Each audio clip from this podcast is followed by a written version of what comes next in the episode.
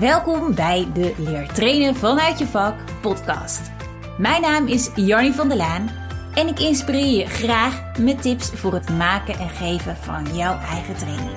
Ik vind het namelijk belangrijk dat jij vol passie en vol zelfvertrouwen voor die groep kan staan, maar dat je je deelnemers ook echt wat bijbrengt zodat ze het geleerde ook echt kunnen gaan toepassen. Jij bent goed in je vak en van mij leer je trainen vanuit je vak.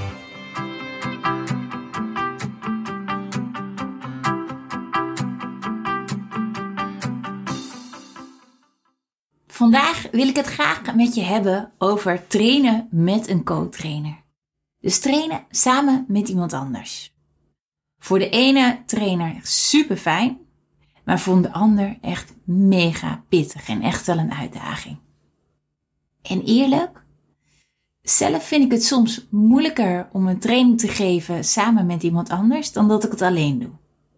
Maar ik weet ook ja, dat het heel erg waardevol kan zijn voor mezelf, dat ik heel veel van de ander ook kan leren. En dat het voor de deelnemer ook heel erg prettig kan zijn. In deze podcast geef ik je graag een paar handvatten om relaxed te kunnen trainen samen met een co-trainer. Maar eerst kijk eens graag eens met je, want waarom zou je nou eigenlijk samen een training gaan geven? Nou, wat ik om me heen zie, met name bij trainers die nog niet zo vaak voor de groep hebben gestaan, is dat ze het heel erg fijn vinden om um, samen een training te kunnen geven. Uh, zo heb ik voor een groot bedrijf waarvoor ik trainingen heb ontwikkeld, heb ik uh, ja, een gloednieuwe training voor hun geschreven over een technisch product. En um, merkte ik dat de trainers het toch wel heel erg fijn vonden om de eerste paar keren deze training samen te geven. Want de hele materie was, uh, althans qua werkvormen, hè, de, de inhoudsmaterie niet, maar de hele materie qua werkvormen was nieuw. En ze hadden het idee van, ja, weet je, als we het samen kunnen geven, dan hoef ik me in eerste instantie niet de bewijzen van uh, acht werkvormen te kunnen uh, voor de dag, maar kan ik eerst ook gewoon even de vier werkvormen doen. En de keer daarna pak ik dan de andere werkvormen op, zodat ik ze toch allemaal ook ken en daarna het misschien ook een keertje alleen kan geven.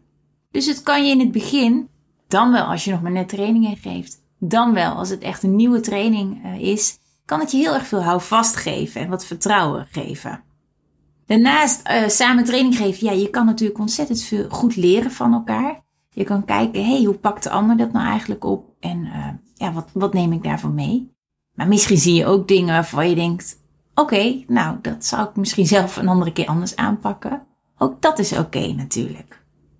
Het kan leuker zijn, hè, want je kunt ervaringen delen, dingen die je ziet bij deelnemers. Je kunt dus eh, van gedachten wisselen. Van, goh, wat vind jij hiervan? Of um, hoe zou jij daar nou eigenlijk mee omgaan? Ik heb het nu zo gedaan, maar ja, hoe zou jij dat aanpakken?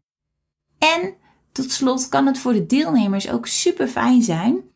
Uh, want die kan zich bij de ene trainer net wat meer op een gemak voelen, net wat meer een klik hebben dan bij de andere trainer.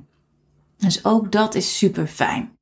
Of je kan bijvoorbeeld ook soms hebben dat je een, een, een training, he, trainer hebt die wat meer introvert is en een trainer hebt die wat meer extravert is. Ook daarin zie je vaak dat deelnemers uh, juist die afwisseling dat heel erg fijn vinden en dat dat ook heel veel rust kan brengen in de groep. We weten nu, nou ja, waarom je samen een training zou gaan geven.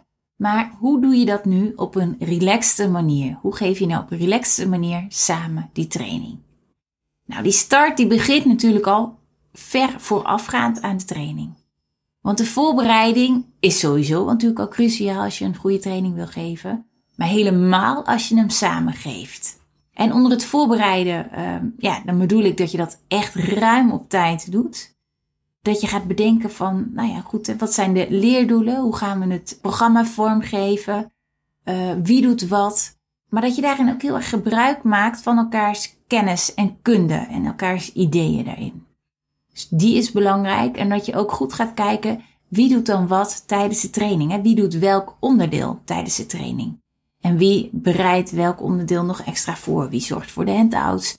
Al dat soort praktische zaken zijn gewoon super van belang. Maar ook de andere dingen als ja, wie zorgt er voor de uitnodigingen naar de deelnemers toe? Wie neemt de intake af, zodat je het programma nog wat meer kan afstemmen op de deelnemers?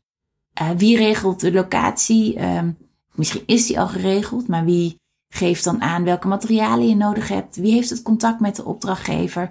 Al dat soort zaken zijn belangrijk om mee te nemen in je voorbereiding. En stiekem is dat ook relaxed, want normaliter doe je dit misschien zelf. En nu kun je deze taken verdelen.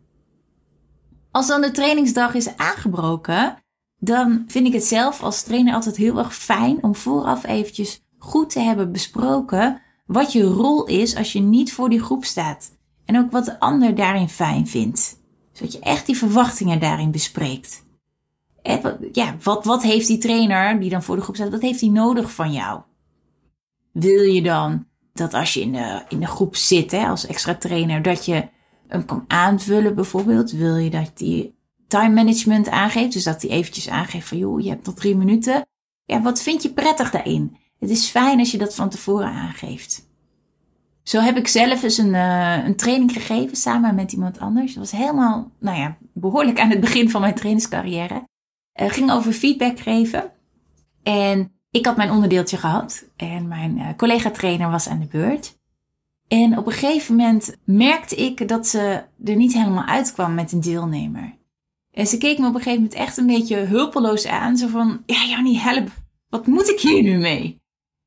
En ja, ik heb toen eigenlijk gewoon maar mijn intuïtie gevolgd en ik heb een interventie op dat moment ingezet.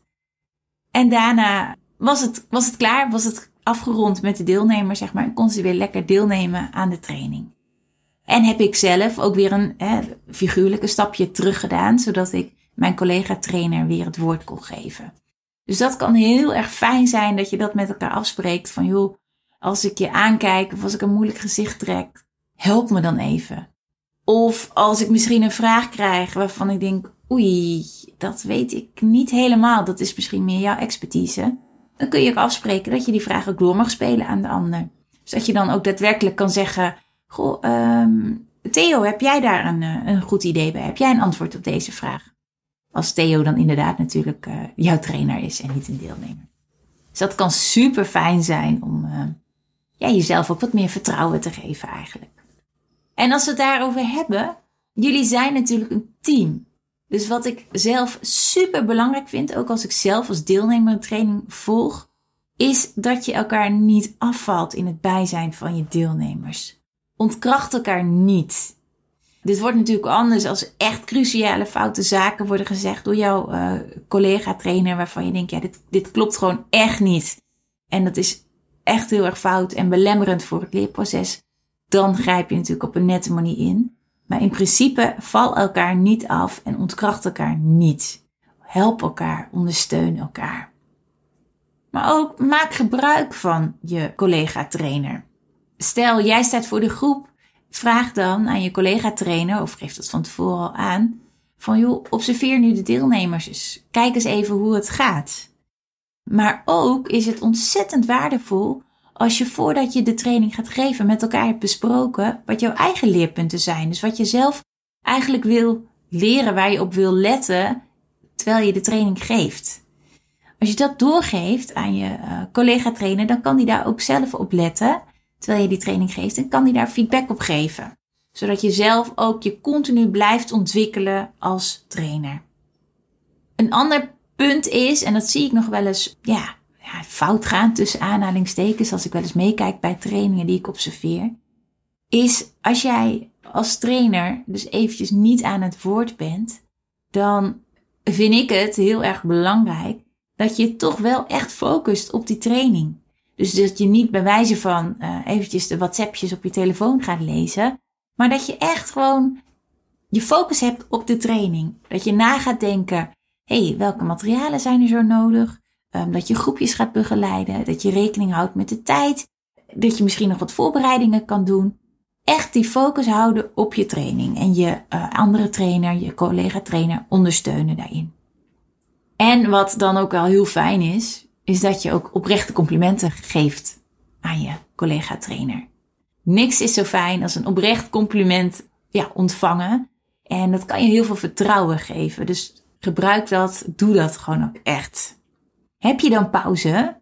Ga dan uiteraard ook eventjes eh, pauze houden. Maar stem ook even af met elkaar. Van goh, um, loopt het nog goed? Zitten we nog op een lijn? Hoe zit het in de tijd? Um, hoe gaat het met de deelnemers? Moeten we nog wat aanpassen aan het programma? Misschien ook, hoe gaat onze samenwerking even kort?